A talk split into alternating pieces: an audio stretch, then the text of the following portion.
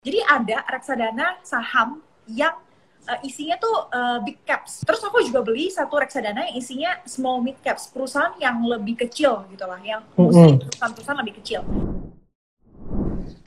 Vel, ini uh, aku akan ngundang satu orang lagi, oke? Okay? Uh, kita akan mengundang satu orang lagi yang uh, kece banget gitu. Oke, okay. Yes. Nah, tapi ini ada ada ada baca-baca pertanyaan dulu nih, Vel nih. Aku ada yang yang udah banyak tulisan pertanyaan-pertanyaan. Nah, ini ada yang nanya dari Elil 1298. Kak, kalau mau beli rumah kurang dari eh, oh sorry, lebih dari lima tahun, apakah salah pilih pendapatan tetap? Silakan, Vel.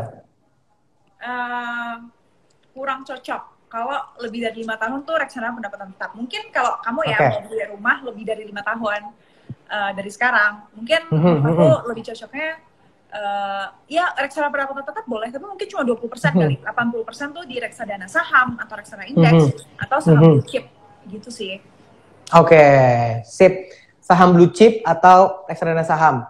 Ini kita sambil sambil baca-baca ya, Vel, karena ternyata banyak banget nih pertanyaan yang keren-keren dari dari Smart Investor yang gabung pada malam hari ini. Nah, Banyak selanjutnya, hmm, selanjutnya nih dari Atika Wibowo 15. Bagusnya beli berapa saham atau satu tapi banyak? Nah, ini ini ini penting banget nih. Penting banget.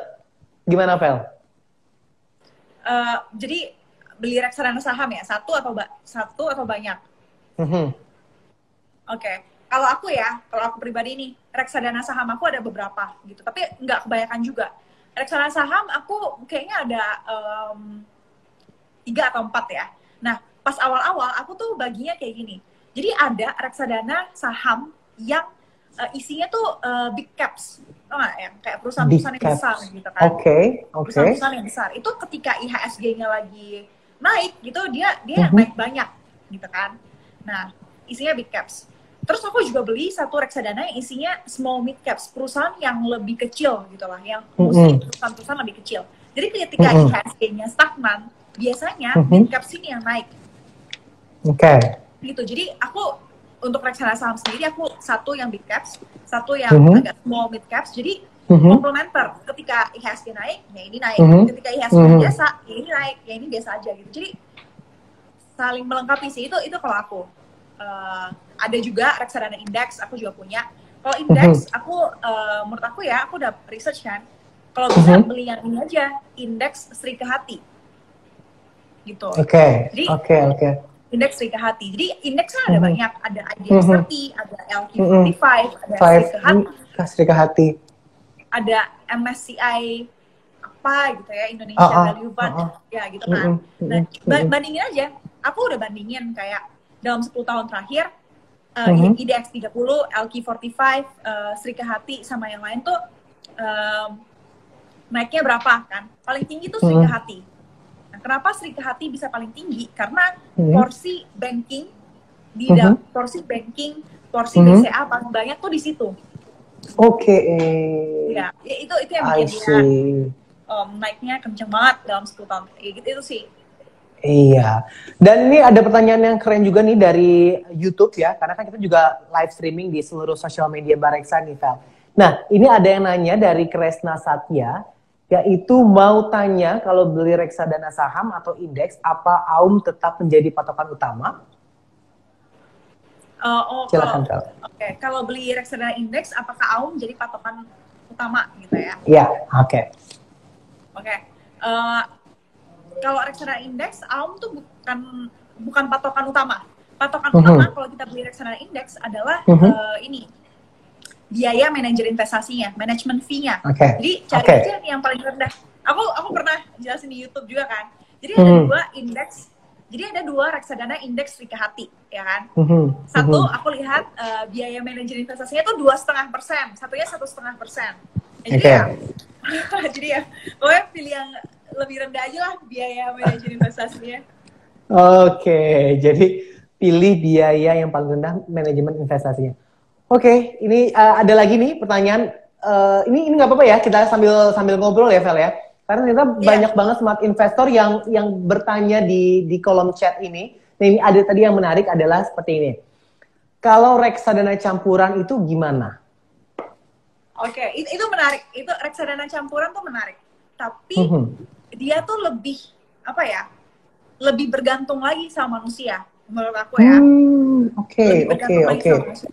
Kita mesti tahu nih reksadana campuran kan isinya apa.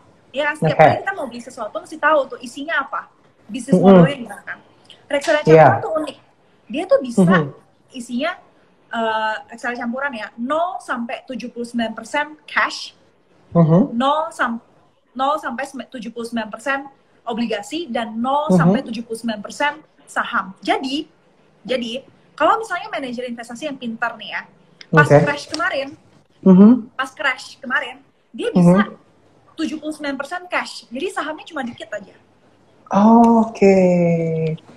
Nah, iya, iya, sedangkan yeah, yeah, yeah, kalau reksadana saham, mm -hmm. reksadana saham nggak bisa. Reksadana saham tuh wajib 80% saham. Oke. Okay. Gitu. Dan yeah, reksadana yeah, yeah. pendapatan tetap juga wajib 80% tuh uh, obligasi gitu kan. Jadi mm -hmm. reksadana campuran tuh lebih apa ya? Lebih lincah gitu. lebih lincah. Jadi kalau dia lihat, oh jelek nih kondisinya ya, dia langsung banyakin cash.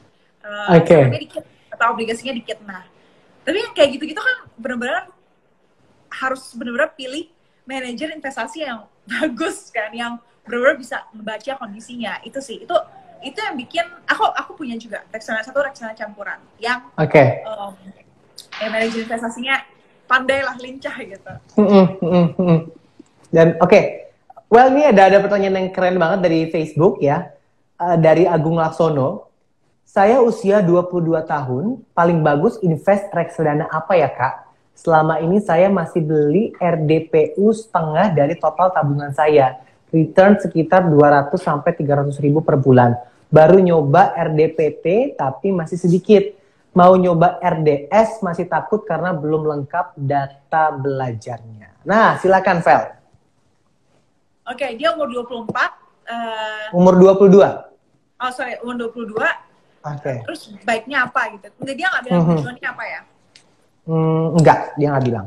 Oke, okay. nah sebenarnya again balik lagi kayak um, investasi itu tergantung tujuan gitu, bukan tergantung ya umur bisa juga sih, tapi lebih baik tergantung dan tujuannya.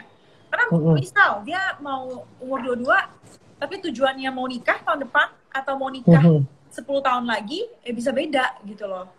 Nah, tapi mungkin karena dia masih muda ya, dan dengan informasi yang kita punya, kalau umur dua-dua ya udah benar udah benar banget itu mulainya dengan reksadana pasar uang karena dia nggak tahu kan mhm. sebelumnya jadi kalau kita nggak tahu apa apa sebelumnya pemula okay. banget mulai uh -huh. dari reksadana pasar uang tuh udah kayak anti rugi lah biar kita nggak kapok investasi reksadana kan itu itu satu itu satu kan okay. nanti kalau misalnya uh, coba aja lebih coba ke yang beresiko kali ya, yang mm-hmm. uh, lebih agresif kayak reksadana saham atau reksadana mm-hmm. indeks atau reksadana mm-hmm. campuran itu mm-hmm. lebih cocok lah karena dia juga masih muda. Gitu.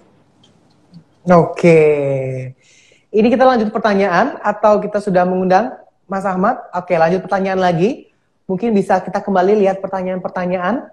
Tadi kita udah ngobrol-ngobrol ya dengan dengan Feli dan apa ya mungkin ini jadi satu insight yang bagus juga gitu ya dan ini ada pertanyaan yang keren juga dari Arinyu Wijaya yaitu pertanyaannya faktor RDPT naik dan turun apa ya padahal isinya FLORI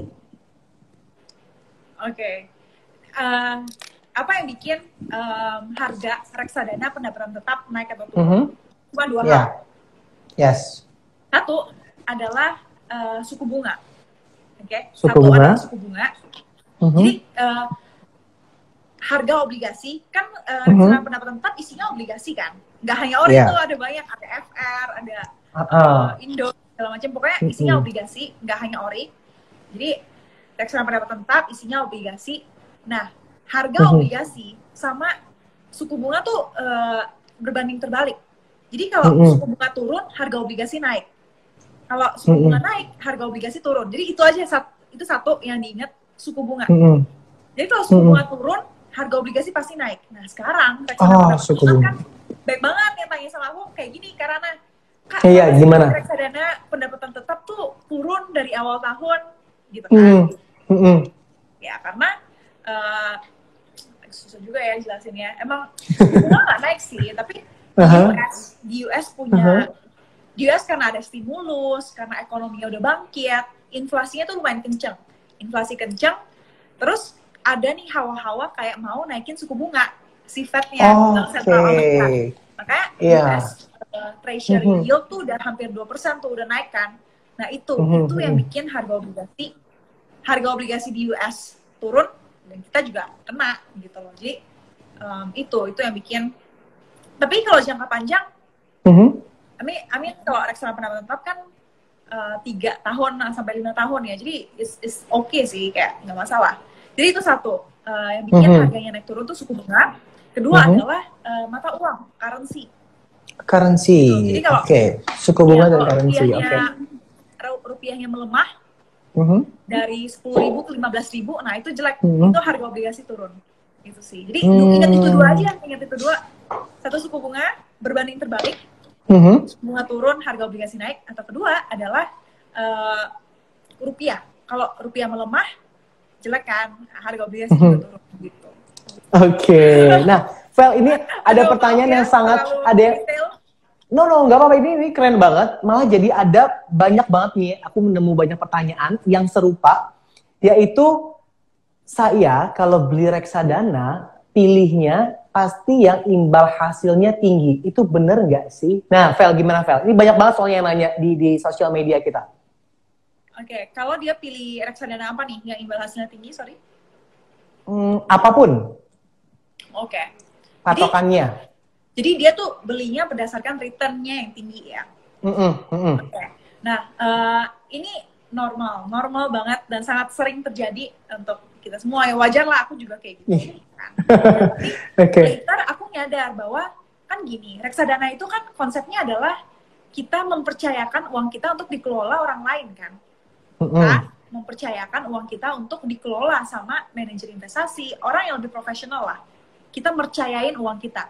Nah uh, bayangin aja kayak kalau kita mau percayaan uang kita nih atau kita mau ngutangin orang deh kita kan lihat dulu kan apakah orang ini trustworthy apa enggak apakah orang ini kita bisa okay. percaya atau enggak iya enggak oke okay, iya iya iya benar benar benar benar benar ya kan? jadi okay. yang pertama kali dipilih bukan pilih reksadananya bukan Tapi, apakah reksadana uh -huh. uh, ini ya sekuritas money market fund atau Shanendra uh -huh. dana kas atau enggak uh -huh. jadi yang pertama uh -huh. kali dipilih adalah manajer investasinya